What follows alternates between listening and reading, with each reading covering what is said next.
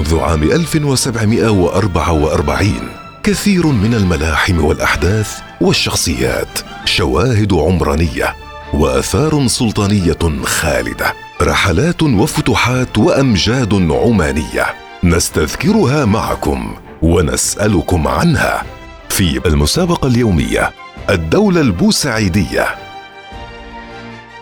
السلام عليكم ورحمة الله وبركاته. أهلا بكم أعزائي المستمعين. ما هي عاصمة الدولة البوسعيدية في مراحل التأسيس الأولى؟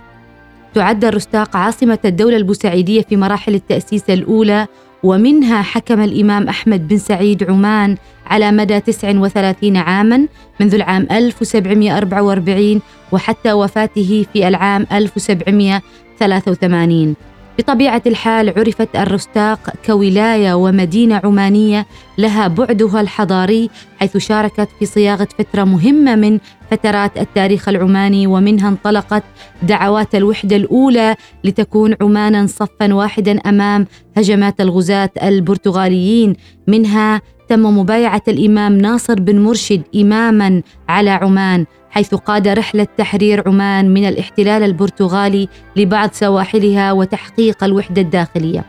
فكانت الرستاق عاصمة لدولة اليعاربة منذ عصر مؤسسها الإمام ناصر بن مرشد اليعربي ومنها أيضا استكمل مؤسس الدولة البوسعيدية الإمام أحمد بن سعيد طرد الفرس وتوحيد كافة التراب العماني تحت سلطة سياسية واحدة موحدة فكانت الرستاق عاصمة لحكمه واستمرت عاصمة للدولة البوسعيدية في عهد الإمام سعيد بن أحمد ثم انتقل الثقل السياسي والاقتصادي لمسقط التي استقر فيها السيد حمد بن سعيد ومنها أدار الحكم بشكل فعلي مع بقاء والده الإمام سعيد في الرستاق.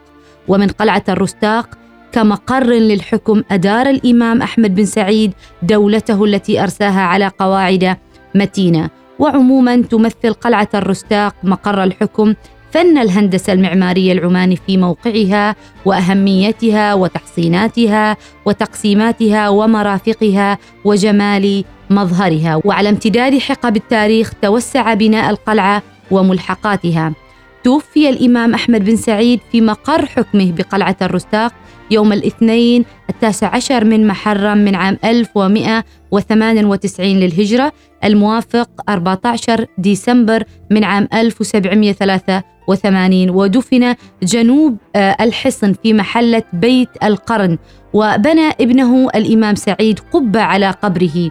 ويذكر مؤرخ الدولة البوسعيدية ابن رزيق أن قبره كان مزار الكثير من الناس حتى عام 1874 للميلاد. نلقاكم في الحلقة القادمة.